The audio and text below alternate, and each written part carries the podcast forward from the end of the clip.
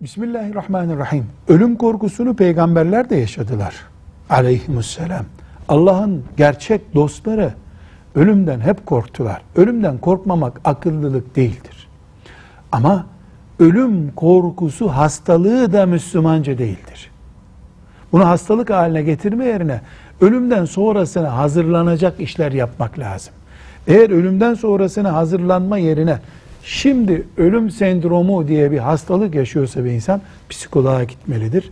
Okuduğu kitapları ve çevresini bir nebze değiştirmelidir.